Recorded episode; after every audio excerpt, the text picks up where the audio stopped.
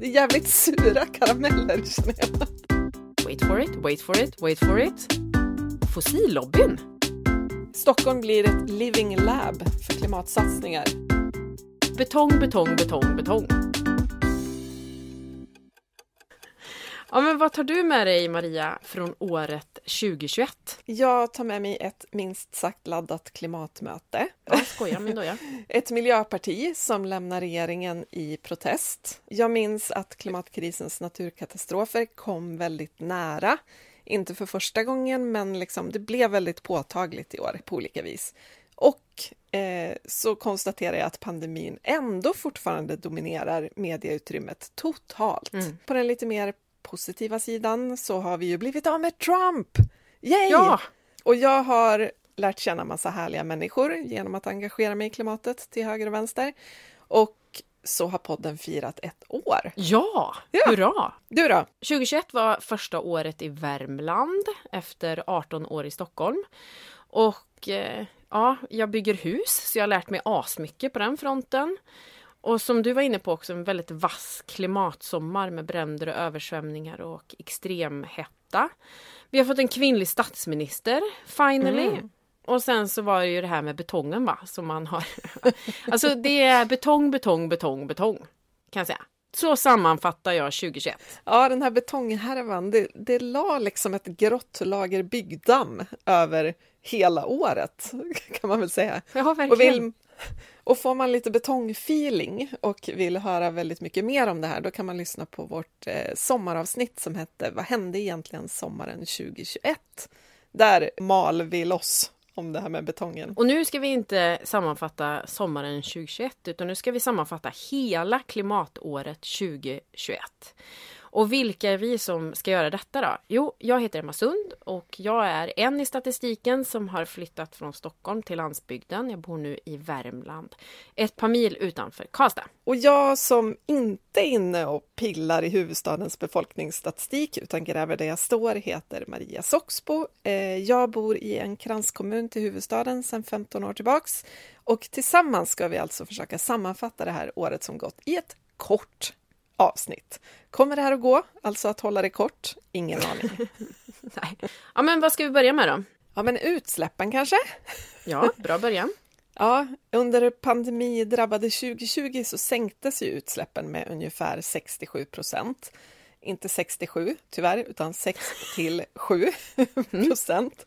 Och det är ju alltså ungefär vad vi måste sänka med varje år, helst mer, för att liksom komma i mål med Parisavtalet. Och så spolar vi fram till 2021 och tänker att ja, men då fortsätter vi ju den här goda trenden. Men nej, utsläppsökningarna 2021 spås bli de näst största i historien. Hoho, grön återhämtning. Fy fan, jädra vilken målchans det fanns. Att liksom börja om eller starta om på eh, grön kvist så att säga. Men eh, jag måste säga att politikerna har ju dribblat helt i fel håll. Alltså ut på läktaren och vidare in i kafeterian och sen dribblar de sig ut på parkeringen och mot solnedgången som en sann lackeriok. Mm, alltså, jag tänker att i backspegeln kommer det här att se helt sjukt ut. Alltså i historieböckerna, bara kolla vilket ögonblick det här var. Världen tvärstannade, det var det perfekta tillfället att systemförändra. För hela systemet kraschade typ. Eh, Men istället öste vi in pengar i typ flygbolag. Och sen så fort munskydden började tas av så gasade vi på i gamla vanliga fotspår igen. Alltså, du, en fråga bara, kommer det här att bli ett avsnitt som känns som nyårskarameller? Jävligt sura karameller. Jävligt sura nyårskarameller. Fy fan alltså. Ja, men vi kommer in på de söta gulliskaramellerna snart. Men det är alltså just bara ett exempel på den här äh, möjligheten som fanns. Det var ju faktiskt det här med pop-up cykelbanor som man eh, satte in på flera platser runt om i världen för att möta trycket från eh, cyklisterna som blev allt fler under pandemin för att man uppmanades att inte åka kollektivt exempelvis. Och en rimlig sak är ju då till exempel att när cyklisterna har fått mer yta att det känns rimligt att de ska ha kvar den här ytan och då mm. blir det enklare att liksom förmodligen att anlägga permanenta breda cykelbanor i pop-up cykelbanornas spår. Också att vi lärde oss att hemestra, att gynna den eh, lokala turismen istället för att åka utomlands eftersom vi inte fick göra det. Ja, det, det är verkligen underligt att vi inte kunde ta vara på det här bättre, tycker jag. Ja. Jag hoppas ändå att fler har fått upp ögonen för, för att exempelvis eh, cykla och eh, hemestra. Jag, jag tror ändå att fler har, har sett charmen eller förstått vettet av, eh, av det. Men samhället signalerar ju inte någonstans om att det är i, dit vi ska. Nej, verkligen inte. Ja, men vad har, hänt, eh, vad hänt mer då 2021? Ja, men vi ska ju prata lite om vädret. Extremväder är ju det nya normala. Vi hade ju den här bootleg-branden. Eh, eller vänta, jag vill faktiskt inte alls börja med att snacka väder. Jag vill faktiskt börja med att säga att jag tror att många är så trötta på att höra om elände att man helt har stängt av. Och nu håller min tupp med mig här utanför. Han stänger inte av. Han stänger inte av. Nej men alltså, jag tror att folk bara inte orkar mer. Alltså vi, vi som bor i ett rikt land som har möjligheten mm. att, att stänga av ska jag säga. För att man så här, ja, man känner sig lite trött på att höra om allt elände. Ja, och så är man lite också i någon slags unna-mode. Typ, nu har vi haft det jättetråkigt under ja. en lång pandemi och så kommer ni och snacka extremväder. Nej, jag stänger av och bokar Thailands resa istället. Ja, nu vill man ha paljett, man vill ha fest, man vill liksom unna sig det där som man inte kunde göra under pandemin, för det är vi väl ändå värda vi som bor i Sverige. Hallå, hallå! Nu har jag sagt det, nu kan vi kanske snacka väder. Vi hade bootlegbranden. Vi hade översvämningar i Centraleuropa, i Kina, i Indien, torka och svält i Sudan, Somalia, Madagaskar. Och här i Sverige så svämmade Gävle över och det här är ju det nya normala. Ja, och det är ju inte över än. Eh, just mm. nu, december 2021, så pågår ju en rad tornados i Kentucky i USA och över 80 personer befaras ha dött. Så att det här är ju liksom någonting som, som verkligen är det nya normala. Vi får nog räkna med att media kommer att rapportera om liksom, naturkatastrofer som vardagsmat. Typ. Mm. Och apropå mat, vad är det som har ätit eh, mediautrymme? ja, alltså pandemin har ju verkligen ätit medieutrymme. Jag fattar det såklart, för det påverkar hela världen och det påverkar människors vardag och det påverkar näringslivet och liksom, ja, men allt möjligt. Folk dör, det är klart vi ska skriva om det. Men mm. det sjuka är ju liksom att det pågår två parallella kriser och en får ordentligt med medieutrymme. Jag gjorde en snabb koll i mediearkivet och sökte på corona med en sån här stjärna så att man får med coronakrisen och coronapandemin och alla de här liksom dubbelorden också och fick 4,5 miljoner artiklar och inslag i svensk media i år. Och så gjorde mm. jag samma sökning på klimat med en liten stjärna efter. Klimatkris, klimatförändringar och så vidare. Gissa hur många träffar jag fick? Ingen aning. 180 000. Herregud. Rimligt. Och då är det ändå året alltså där Gävle svämmade över och så vidare. Mm. Det går 25 coronaartiklar på en klimatartikel. Medias roll skulle jag vilja prata lite mer om helt klart. Ja, det är kanske är ett eget avsnitt. ja, det, alltså, det är det nog, för det är så många frågor som aldrig ställs. Mm. Alltså i media, när man pratar om eh, nya flyglinjer exempelvis, eller bilköer eller nya, nya liksom, satsningar på köplador eller motorvägar som ska dras. Eh, så är det så sällan som journalisterna ställer de obekväma klimatfrågorna. Ja, men jag håller helt med. Det, det är väldigt sällan någonting sätts i en klimatkontext. Det är klart att ja. man skriver om, om liksom, ja, men klimatmötet till exempel. Det är klart att det bevakades ordentligt på alla möjliga sätt. Men det är just den här allmänna nyhetsjournalistiken där man pratar om Black eh, Week och hur försäljningen mm. har gått eller liksom värmen, så här rekordvärmen eller att nu börjar folk resa igen eller vad som helst. Att de artiklarna inte också sätts i en klimatkontext. Vad innebär det här då? Att vi mm. plötsligt reser som vanligt igen. Det saknar jag. Ja, julhandeln slår rekord. Nej, det här måste vi prata mer om, helt klart. Bara, jag måste bara inflika en problematik här. Dels så, dels så tror jag inte att kanske kunskapen finns hos alla redaktioner eller alla reportrar. Man har en klimatreporter som har uppgift att, att skriva om klimat istället för att alla har en, en eh, klimat och miljöutbildning exempelvis. Men sen mm. så är det ju så att media i mångt och mycket är ju styrda av annonsintäkter idag. Um, ja men precis. Det kan vara svårt att, vad säger man, bita av den arm som föder en. Föder en. Nej, ja, säger jo, man så? precis bita den hand, inte bita av ja, kanske, men bita, bita den hand. Så, bita av den bara. Hårda tag här. Ja. Hårda tag. Ja, men, och, det, och det inkluderar ju också fler saker. Alltså jag tänker lite så här, vem ska bevaka modebranschen ur ett klimatperspektiv om inte modetidningarna gör det? Mm. Vem ska bevaka inredningsbranschen om inte inredningstidningarna gör det och så vidare. Så det finns en massa aspekter av det här. Vi kan ju lägga till också att vi är journalister. Det är därför I vi grunden, blir lite extra ja. nördiga i, i den här frågan. Liksom. Men eh, ja, vi, vi får planera in ett medieavsnitt 2022 ja. tror jag. Ja. I tider av internet så i tider av internet så tjänar ju många mediehus pengar per klick. Så att det är klart mm. att man tjänar mer på att, att eh, skriva om oh, de bästa reafynden. Ja, precis, än, än klimatkrisen. Och det precis. är huge problem. Nu skulle jag vilja snacka om en het potatis 2021, nämligen elektrifieringen och då framförallt Northvolt. Den här batterifabriken som som ska skapa massor av arbetstillfällen och är liksom framtiden för Sverige, får man mm. känslan av. Men när fabriken byggs så saknar ett helt gäng av de som bygger faktiskt arbetstillstånd. Eh, börjar bra eller? Ja. ja, nej, och sen så var det ju dessutom ett coronautbrott där eh, som verkligen tog fart i början av pandemin också. Men alltså, jag tycker ju att det finns något i grunden jätte, jätteintressant med det här, för på ett sätt är det ju det här är ju någonting bra, alltså att framtidens företag som håller på att tillverka saker som vi behöver för omställningen och så satsas det i Sverige istället för på andra sidan världen och det satsas mm. också mm. liksom utanför storstäderna, vilket skapar massor av arbetstillfällen och möjligheter för, för liksom bygder som har lidit lite av, av att vi urbaniseringen och att alla flyttar till storstäderna. Liksom. Och nu kan hela Sverige leva igen för att det skapas mm. stora arbetsplatser i norr till exempel. Skitbra ju!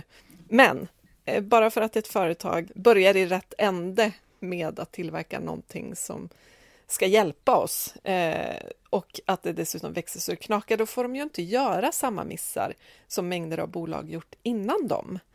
Mm det, är ju, det, det, här är ju inte den enda Northvolt-fabriken heller, utan det ska ju byggas en hel rad. Och nu är det ju nästan lite så här som med OS, alltså olika kommuner tävlar om vem som ska få nästa fabrik. Liksom.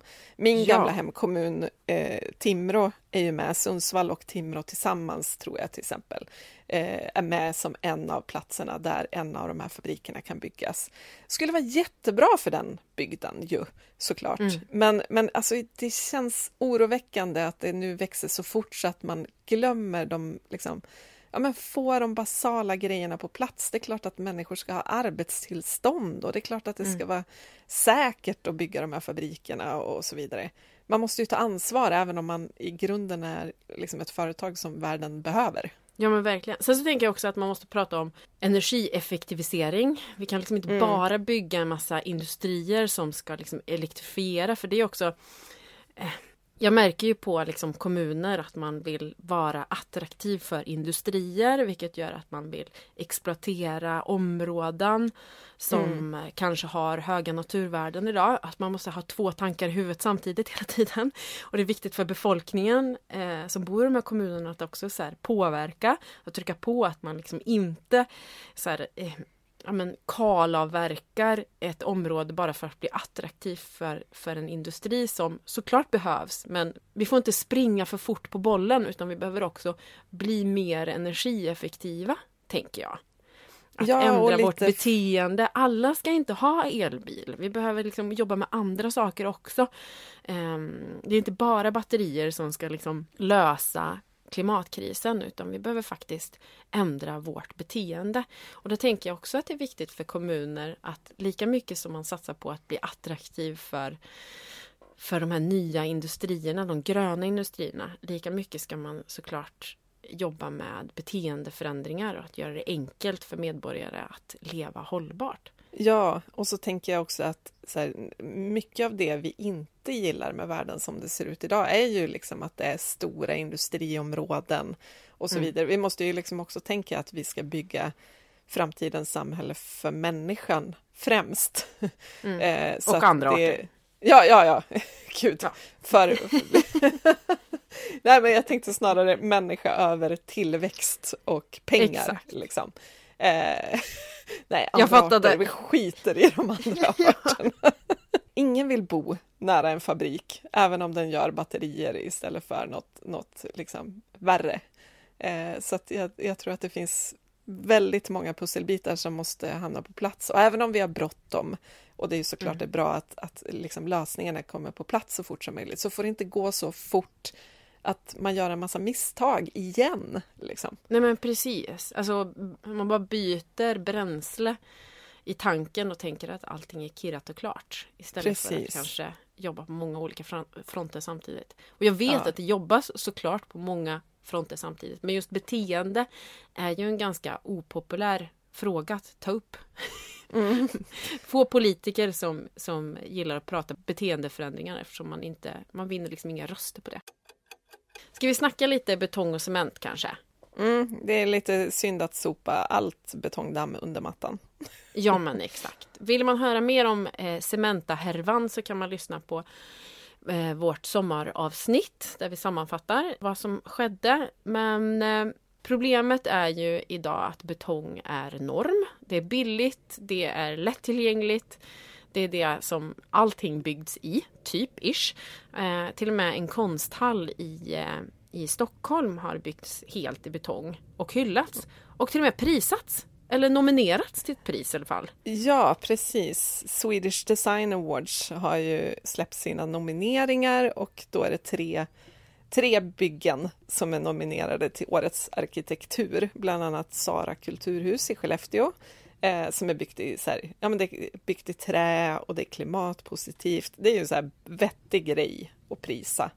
Eh, och sen så har man också nominerat Medborgarhuset i Stockholm som har renoverats snarare än byggts nytt. Man har tagit vara på den gamla byggnaden och liksom anpassat den till nutid för att den ska få, som man säger, 100 nya år i tjänst. Eh, och det är ju fint.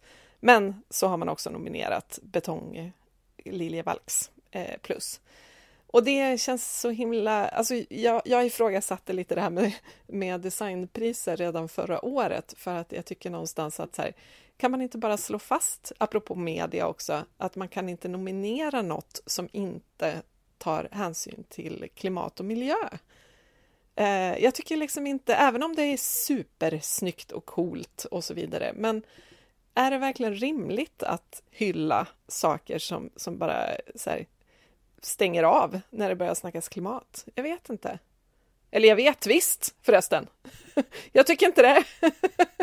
Jag tycker inte det är vettigt. Jag tycker inte, det är väl en sak att det byggs, men vi behöver väl inte hylla det liksom. Nej, exakt. Det är så viktigt. Gör det omöjligt att vinna ett pris om du inte gör någonting som är medvetet från grunden. Då blir det ju inte attraktivt att bygga i betong längre. I alla fall inte om man är en cool arkitekt liksom.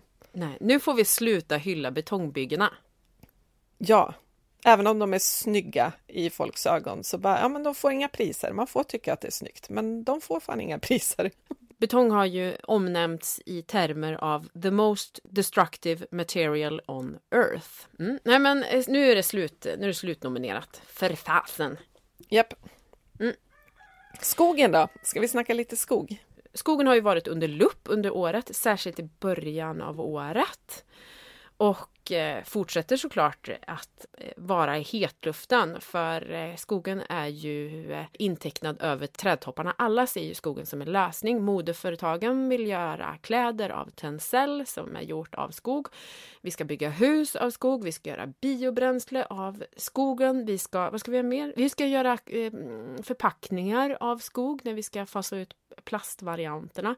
Alla ser skogen som lösningen, men skogen ska ju också stå kvar för eh, den suger ju upp massa koldioxid. Så vem har rätt till skogen? Dessutom har ju samernas roll i skogsfrågan faktiskt fått mediautrymme. Hurra för det! Eh, hyllar vi ja, media? Ja, verkligen. Precis, och många miljöorganisationer har ju gått ihop liksom för att backa samebyarnas krav till regeringen, för det är ju framförallt det statliga Sveaskog som mm. liksom hotar att kalavverka en massa eh, skog i, i Sápmi. Mm. Och det här är ju liksom, det, det handlar ju om människors försörjning och mm. levnadsmiljö. Liksom. Det, det, är inte bara att åh, det är fint med skog, utan det här är ju liksom en, en kultur också som misshandlas om man tar bort skogen. Eh, så det här är ju jätteviktig fråga som borde kunna få ännu mer miljöutrymme, eller medieutrymme. Mm. Jag borde, jag borde kanske göra en sökning på den också. hur, mycket, ja. hur många artiklar har Sápmi fått 2021? Mm. Spännande. Men skogen har ju också, det, det, har ju också hänt andra grejer. Till exempel så kom ju Aftonbladet ganska nyligen med en granskning om Ikea. Eh, för att Ikea köper in timmer om, om skogen har så här väldigt många olika vad ska man säga, hot mot sig. Att skogen i Central och Sydamerika den skövlas för att man eh, vill odla soja så att man kan eh, gynna köttindustrin. Och mm. skogen mm. i Asien skövlas för att man vill anlägga palmoljeplantager. Då eh, skövlas skogen i Europa för att man vill ha timmer, för man vill bygga i trä och man vill göra möbler i trä och så vidare. Mm. Eh, och inget av det här är ju jättebra, även om att just bygga i trä är ju ändå vettigare än att bara hugga ner den och odla palmolja. Liksom. Men till exempel då så finns det stora urskogsområden i Ukraina som brukar kallas för Europas lungor, apropå mm. Amazonas, liksom är världens lungor och sådär. Och här har det då visat sig att Ikea köper in ukrainskt timmer, men att det liksom eh, händer på ett lite felaktigt sätt att Ukraina, alltså skogsbolagen där hugger ner träd som de säger ändå behövde tas ner för att de till exempel är skadade eller sjuka, men det stämmer inte, det är fullt friska träd. Eh, och den här jättestora granskningen kan man läsa i Aftonbladet, man kan googla fram den. Och det här är ju liksom en, jag menar Ikea gör inte lite trämöbler om man säger så. Det här är Nej. en stor fråga. Eh, så det är jättebra att det kommer fram och att det blir diskussion om det. Um, ja, nej, det, det, vi ska inte bara tro att problemen händer i andra sidan, på andra sidan världen. Liksom. Kanske att Ikea drabbades lite av kognitiv dissonans i att de ville jättegärna använda det här träet men det rimmade liksom inte riktigt med deras eh, approach. Så då var de tvungna att hitta ett, en, en, bra anledning, typ att ja. träden var skadade. Ja, precis. Det är så vi funkar. Rättfärdigar, rättfärdigar våra val så att det Ja, men och jag vet ju inte hur själva. mycket Ikea faktiskt visste kring det här, men å andra sidan har ju Ikea ett jätteansvar att se till att deras leverantörer sköter sig. Så att de kan ju inte heller skylla ifrån sig, utan det är ju faktiskt mm. deras ansvar som inköpare eh, att hålla koll, helt enkelt. Ja men verkligen. Sen så vill jag faktiskt eh, lyfta en kompis till oss, nämligen Isabelle McAllister, mm. apropå trä. För i våras så la hon upp en bild på sitt Instagram där hon står vid ett gigantiskt berg av trämaterial. Och det var liksom en månads uppsamling av gamla möbler, byggspill, träbitar, gamla kök och massa, massa annat. Där hon lyfter liksom det, det, det galna i vår konsumtion men också hur, alltså hur fruktansvärt mycket vi mm. slänger av just trä. Eh, för mycket av det som, som vi kanske efterfrågar, alltså möbler eh, till exempel, det finns ju redan. Myrorna får in 20 ton eh, möbler och prylar om dagen. Ja, men och du håller ju på att bygga ett hus med gamla dörrar och gamla fönster som annars hade slängts, typ. Ja, precis. Nu ska jag, eh, disclaimer, jag bygger också med trä. Alla husbyggen har ju, eh, har ju ett Mm. avtryck såklart. Eh, det ska man inte sticka under stol med. Men vi kan ju konstatera att väldigt, väldigt mycket som vi ser som avfall är inte skräp, Nej, ja, utan gud, hade ja. kunnat komma till användning på olika sätt. Ja, jag räddade sju sekelskiftesdörrar från att slängas på återvinningen. Helt stört. Alltså, herregud. Ja. Ja. Någonting som har lyfts under 2021 är ju också det här spännande, fantastiska med fossilt reklamförbud. Alltså, Mm. ju mer man tänker på det, desto vettigare är det ju. Alltså att det ska finnas ett förbud mot fossilreklam. Och vad är då fossilreklam för någonting? Ja, men det kan ju vara bensinbilar eller flyget till Kanarieöarna exempelvis. Sådana där saker som vi lockas in att eh, konsumera. Ju mer man tänker på det, desto vettigare är det. Att vi ska inte lockas till att göra saker som är bad för oss och andra och planeten vi bor på. Och det här pågår det ju en jättestor kampanj kring då. Ehm, det är en rad organisationer som försöker samla in en miljon underskrifter eh, i Europa. För når man det så måste liksom frågan tas upp på riktigt. Och hittills har 125 000 skrivit på. Sjukt bra jobbat ändå. Mm. Och vill man backa det här, och det vill man, för det skulle verkligen göra allas omställning väldigt mycket lättare om vi inte hela tiden matades med att vi ska fortsätta eh, leva fossilt. Liksom. Så vill man backa det här, då hittar man själva namninsamlingen, till exempel via svenska Greenpeace hemsida. Mm. Skriv på, bara gör det. Jag bara gör det och delar den så fler skriver på, för det är ju ändå en bit kvar till en miljon och det här måste ju bara ske. Sprid, sprid, sprid. Det är så viktigt att vi ställer om vårt samhälle så att det är lätt att göra rätt och svårt att göra fel. För jag tror att vi rättfärdigar våra beslut med att ja, men de gör reklam för eller alla andra gör ju så här. Och det är liksom norm. Och vi måste ändra normerna. Alltså gud vad jag låter som att jag har rökt gul Blend i hela mitt liv. Jag är så här fruktansvärt knarrig, knarrig. Nej, det är det inte. Ja, men okej, ska vi prata lite kopp? Tekopp? Nej, kopp kopp. 26. Ja, eh, COP26 ägde rum i november i år. Och det som var anmärkningsvärt var ju att den största delegationen under det här klimattoppmötet i Glasgow var, vänta nu, wait for it, wait for it, wait for it, fossillobbyn. Alltså inte undra på att det går segt. Alltså, jag fattar inte ens. Hur, hur, hur söker man akkreditering som fossillobby på ett klimatmöte? Ja, Alltså, vad, vad har man för rätt att vara där? Jag fattar inte det. vem godkänner dem? Alltså, Nej, det är precis. för jävla sjukt. 503 delegater ifrån fossilindustrin var på plats under FNs klimatmöte i Glasgow. Alltså, bara porta dem. Ja, faktiskt, De får inte vara med. De bidrar ju inte till lösningen, om man säger så. Nej. Nej, alltså, jag tycker det är helt, helt sjukt att de får vara där. Ja, men alltså, apropå att det här är nyårskarameller. Snacka om att lägga kola i maskineriet.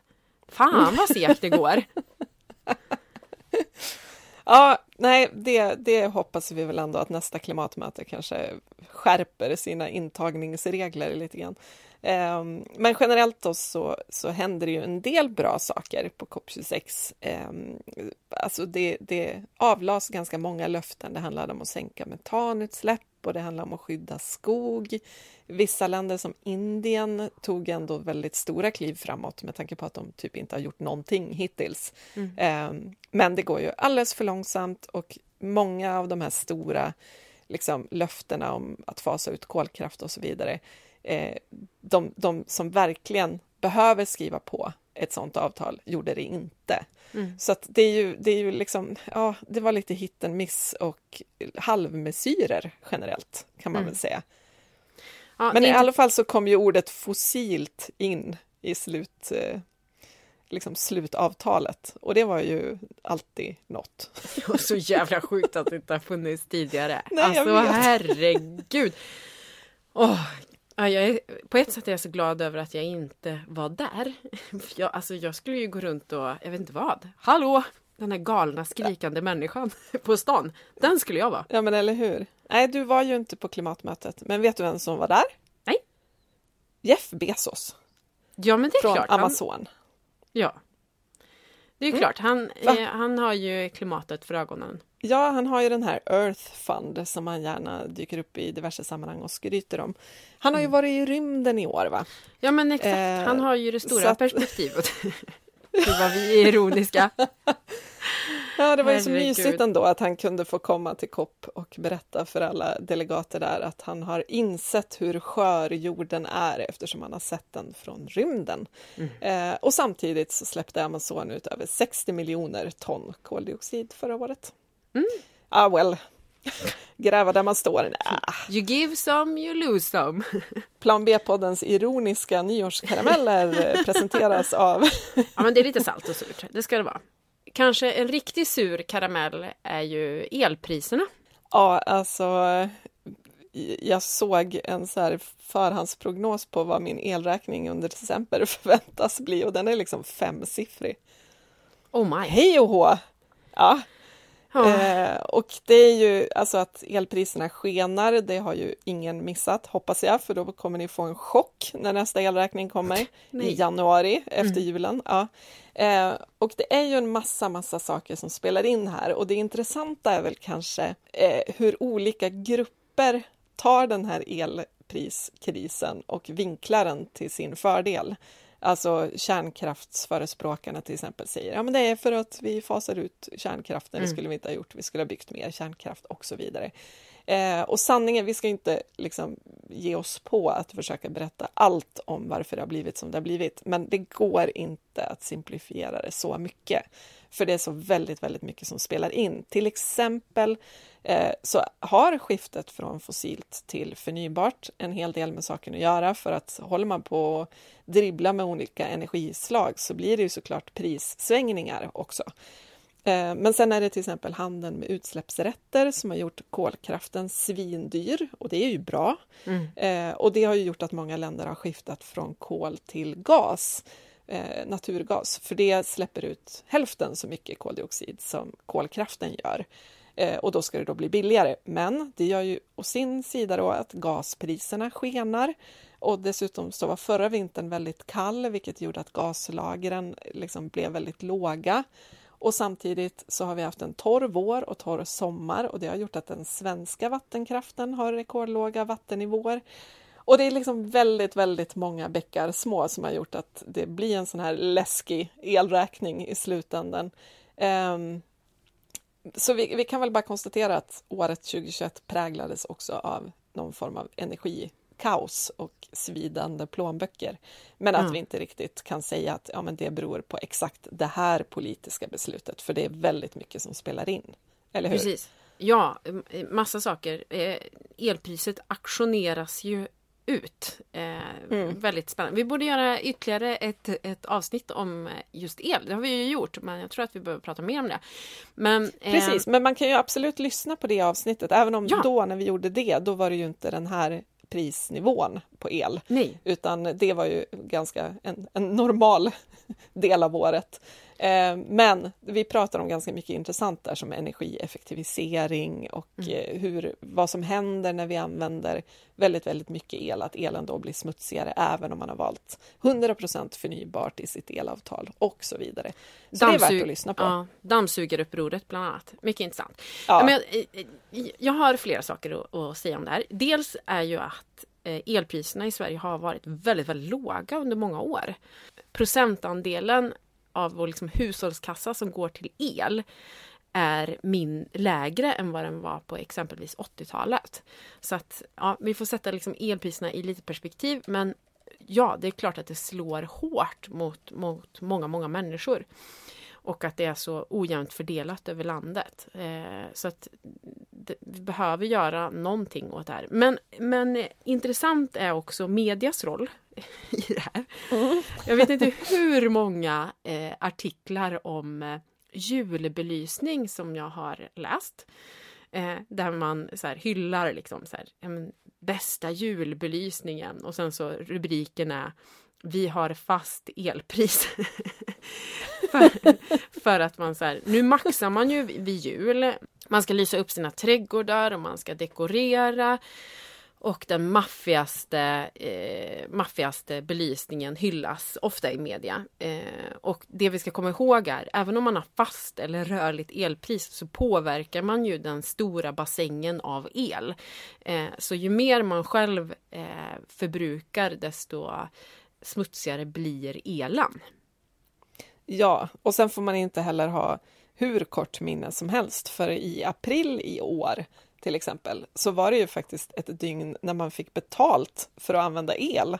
Elpriset var negativt. Eh, och det har liksom också hänt 2021. Mm. så att det har ju svajat otroligt mycket under året och det är väl också lite ett tecken på att vi måste börja tänka till hur vi använder energi generellt. Mm. Eh, därför att vi kan inte vara säkra på att det alltid är billigt eller att det alltid kommer vara dyrt, utan det kommer att svänga mycket och då gäller det att energieffektivisera så att vi inte behöver använda mer än vi verkligen måste, tänker jag. Mm. Och för att jag inte ska vara grinchen så här i jultider så säger jag sätt en timer bara. Lys upp men stäng av. Men jag, nu vill jag faktiskt gå in på, det här är ju trots allt plan B-livet va? Eh, mm. Eller Plan B-podden. Och nu ska vi hylla några satsningar som har gjorts under året. Nu har vi ätit upp alla de äckliga godisarna, nu är det bara de goda kvar. Ja, nu ska jag ta fram mina bästa nyårskarameller. Håll mm. i er! Jag börjar. Eh, först skulle jag vilja hylla Österrike. Inte en helt eh, eh, surfri hyllning ska jag säga också. Men jag börjar med att hylla... Gud vad jag är kritisk. Ja, men jag börjar med att hylla eh, Österrike. I Österrike vill man få fler att ställa bilen, alltså göra fler mindre beroende av bilen. Och för att göra det så har man infört ett pass som är giltigt på bussar, på eh, tåg, alltså you name it. Alltså i alla regioner. För att liksom sätta det här i en svensk kontext då så skulle du kunna åka tunnelbana i Stockholm. Du kan ta tåget till, eh, från Umeå till Göteborg på det här passet. Du kan åka lokaltrafik i Uppsala, du kan ta spårvagnen i Norrköping allt eh, ingår i det här passet. Vilket mm. gör, det, det gör det ju väldigt enkelt för folk att transportera sig. Du behöver inte en massa olika appar. Du kan röra dig inom landet på ett, ett spännande sätt, vilket jag antar gynnar landsbygden ganska bra. Att man kan jobba på en plats, men man kan åka in på, till jobbet i, i kanske en annan stad på ett väldigt enkelt sätt. Så att, ja, jag, jag hyllar det här eh, initiativet jättemycket. Eh, men priset är ju ganska saftigt. 10 000 eh, kostar ett sånt här pass. Jag ska också säga att ett liknande pass i Schweiz kostar ungefär 30 000. Så det, det är billigt i jämförelse. Men saftigt för, för gemene person. Men eh, spännande start tycker jag ändå. Ja men precis. På sikt skulle man ju vilja att just det var gratis. Ja. Att det var en del av, av statens klimatsatsning. Exakt. Får jag dra någon liten karamell här nu då. Jajamän. Det här är faktiskt en ganska färsk nyhet som jag läste häromdagen. Mm. Eh, jag tänker hylla Wales. Jaha, vad trevligt. De, de, får inte mycket medieutrymme kan jag känna. eh, nej, men där har man, har man precis bestämt att eh, varje hushåll i Wales ska få ett gratis träd att plantera. Hur trevligt! Ja, eller hur? Och då får man välja ett inhemskt träd att plantera på sin tomt då, om man bor i en villa till exempel. Eh, och om man då bor i lägenhet eller faktiskt inte vill ha ett extra träd på just sin egen tomt eller så, då får liksom det här trädet hamna i en pott eh, som planteras i skogsområden för mm. det här hushållets räkning. Då. Så att det är inte som att träden inte kommer till nytta om man bor i lägenhet, utan då hamnar det bara någon annanstans.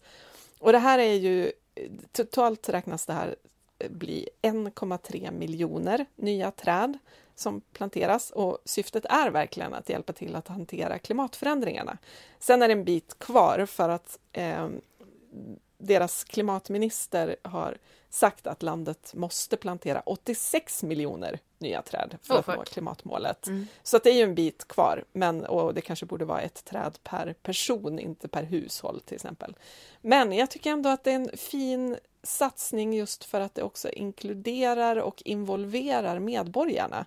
Ja. Att det inte bara är något som händer någonstans typ så, utan att det verkligen handlar om att träden ska fördelas över hela landet också. Eh, och det gör ju mycket bara för levnadsmiljön också. Vi mår ju bra om att, om, av att omge oss med träd. Och gissningsvis så får man en koppling till naturen också. Precis. Dessutom så har den här klimatministern sagt att det finns bevis på att områden med många träd har en lägre brottslighet. Bara Se en sån där! Grej. Så aktuellt! Ja, eller hur? Så att det här tycker jag är jättehäftigt och en satsning som jag hoppas dyker upp på fler ställen. Ja, jag skulle lätt vilja ha det. Fan vad fint! Mm. Ja! Och vettigt. Ha, har du hört talas om IVF-koraller då? Eh, nej, det har jag inte. vad sa du? IVF-brallor? Nej, IVF-koraller. det blev som en egen karamell. jag bara, IVF-brallor? vad fan är det? Nej, nu IVF-brallorna Insemineras eh, som så här, menstrosor ungefär. Ungefär så. Ja, medan du går. Ja, okej, okay. kör, shoot. Vad sa du för någonting? Koraller? Gud, vad är det som händer? Årets nyår. Det blev bara roligt och härligt det. Ja, brallor, det börjar ju på B, jag fattar hur du tänker, men nu handlar det här om Great Barrier Reef, såklart. Okay. Stora barriärrevet. Ja. Också börjar på B. Eh, jo, men där har man faktiskt precis eh, berättat att den första generationen av IVF-koraller har mm, liksom lyckats odlas. Mm. Stora barriärrevet dör ju, mm. det är ju liksom ingen hemlighet och det, det, påverkar ju väldigt mycket. Dör korallreven så händer det väldigt, väldigt mycket med havens ekosystem. Så det här är ju en katastrof, men det är väldigt svårt att få stopp på det när det väl har börjat bli en sån här koralldöd. Mm. Eh, och då har man börjat experimentera med en metod som man kallar för korall-IVF, vilket jag tycker är fantastiskt. Och där försöker man använda modern teknik för att föda upp koraller som har liksom bra chans att överleva även när haven blir varmare till exempel. Mm. Eh, och så har man börjat experimentera med att liksom plantera ut det här då på revet och se om det funkar. Och det, det funkar. Alltså, de har lyckats få, få dem att föröka sig i det vilda. Cool grej! Så det här är ju, det här är ju liksom ja, man kan väl se vad man vill om människan och hennes förmåga att paja allt som finns. Men, men jag tycker också att det är fint att liksom, när vi väl har insett problemet så lägger man också ganska mycket krut på att hitta lösningar. Mm. Och till slut lyckas man med något som naturen faktiskt inte kan återställa på egen hand för att det har gått för långt. Liksom. Mm. Eh, så jag tycker det här är häftigt. Jag, jag blir helt pepp på sådana här konstiga korall-IVF. Liksom. Vad fan. Men det, det är ju ja, fantastiskt. Väldigt spännande. Nu vill jag hylla SVTs klimatsatsning. Mm. Jag tycker SVT gör bra jobb. De har ju exempelvis ett eh, nyhetsbrev som går ut med eh, klimatnyheter. Väldigt, väldigt bra. Och eh, gör en hel del reportage som är liksom delningsbara i sociala medier. Man ser tydligt att det är liksom så här, tre, punk tre punkter, alltså det går snabbt, det är lättillgängligt och väldigt tydligt. Mm. Så heja SVT! Sen så skulle jag också vilja hylla att de har satsat på grymma, grymma programkoncept som till exempel Politikbyrån och Ekonomibyrån. Som är liksom 20, är det, 29 minuter, tror jag det är, 20 minuter, någonting sånt där. Eh, lättillgängligt, intressant, smart, rappt, bra för människor i farten. Alltså 2021-människan i allmänhet. Nu undrar jag ju bara, när får vi leda Klimatbyrån?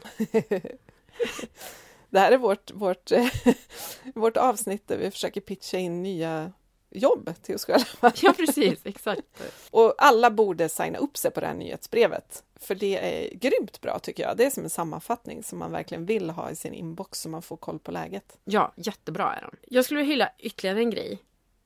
Alltså nu, alltså det här är aktiebolaget Storhetsvansinne som sänder direkt här.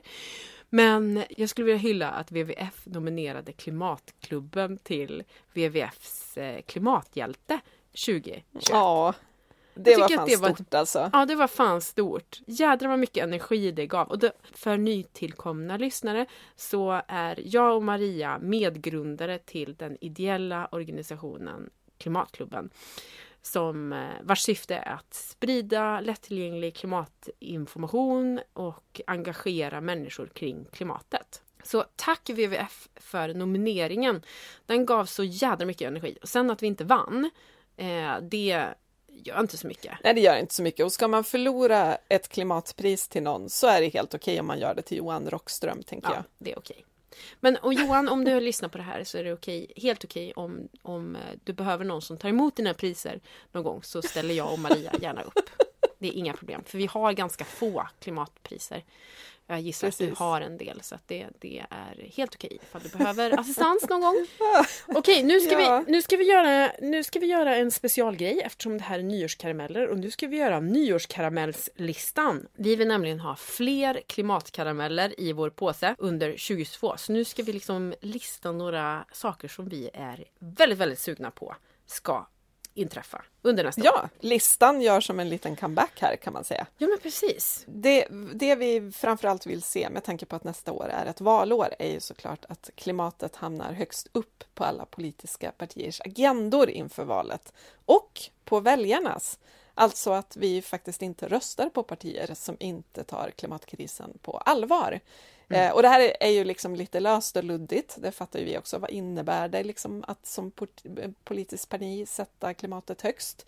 Men det, det måste liksom genomsyra allt. Man kan inte prata om liksom, eh, skattesänkningar utan att få med klimatet i den frågan eller liksom satsningar på infrastruktur eller vad det än är. Klimatet måste vara med i alla de stora politiska besluten.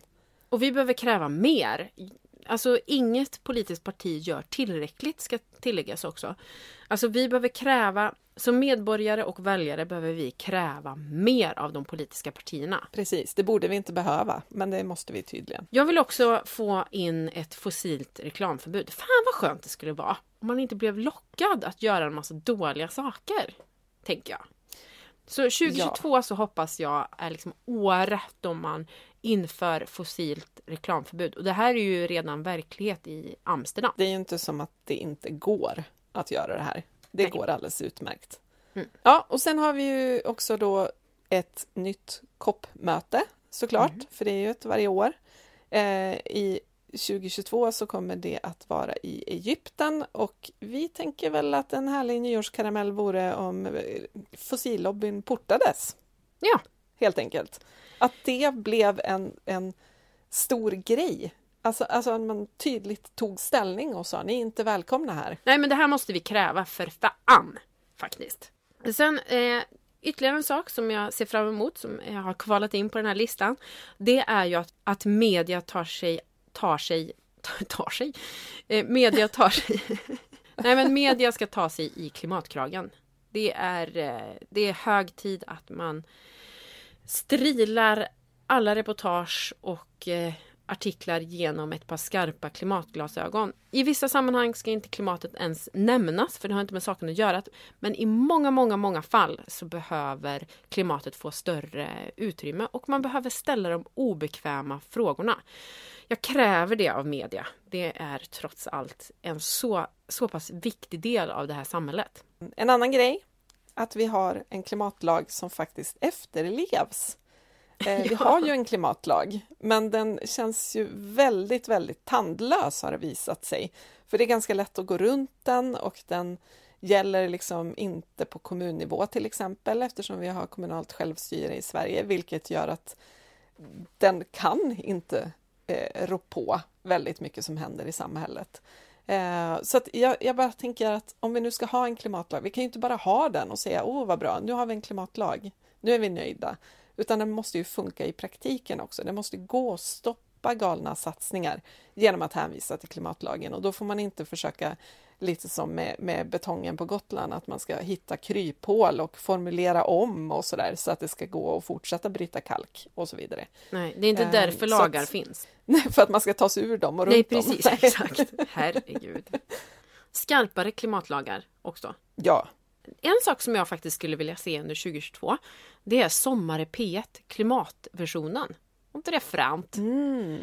Jo, det vore faktiskt superbra. Alltså, känns ganska rimligt när man tänker på det. Plus att fler röster behöver höras i klimatdebatten. Så varför inte få in åtminstone fler klimatrelaterade personer i Sommar i P1.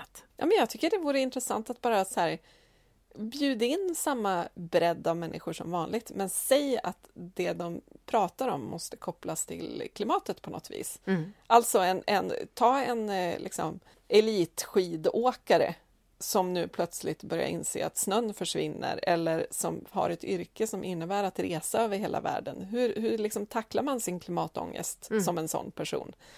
Och sen låta forskare få komma till tals, låta personer som har blivit berörda av klimatkrisen, till exempel då samerna, Mm. komma till tals och så vidare. Jag tycker det skulle vara en helt fantastisk Sommar i P1 sommar att Mm. lyssna på.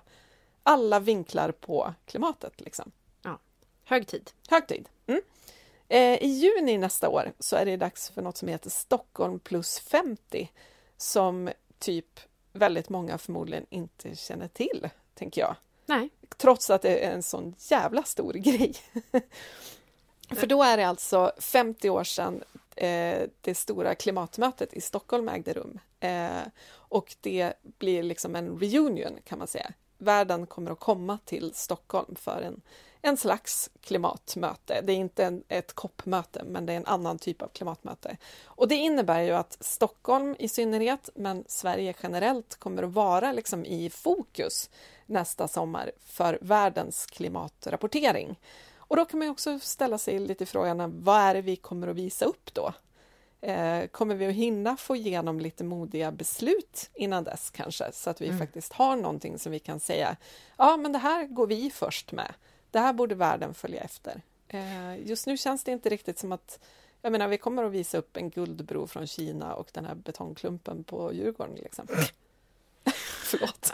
Ja, nej men alltså ett fossilt reklamförbud vore väl toppen att ha under Stockholm plus 50.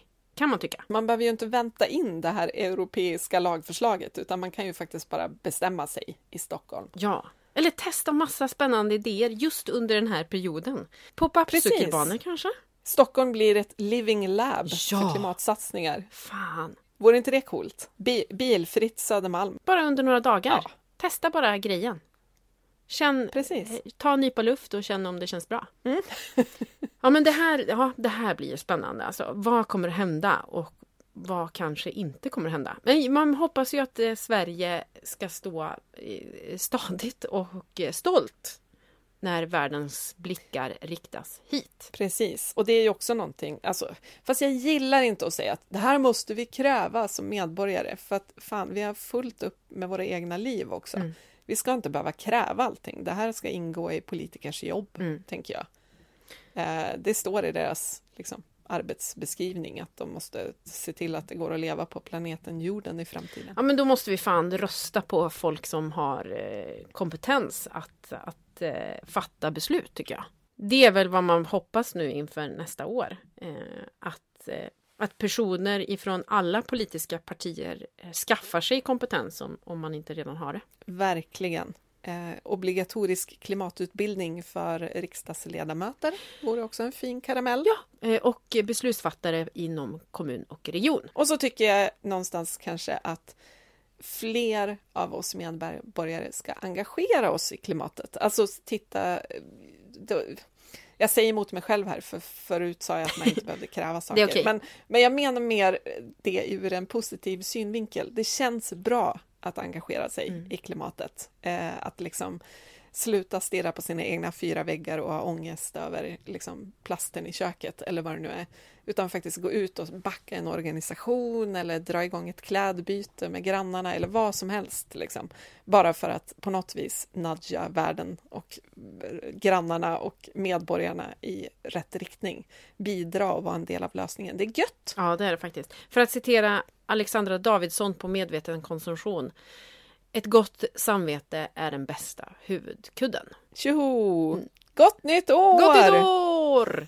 Ja, men nu ser vi fram emot ett vasst, grymt eh, klimatår 2022 där det är lätt att göra rätt och svårt att göra fel. Skål för det! Skål för det! Ha det gött! Hej! Hej!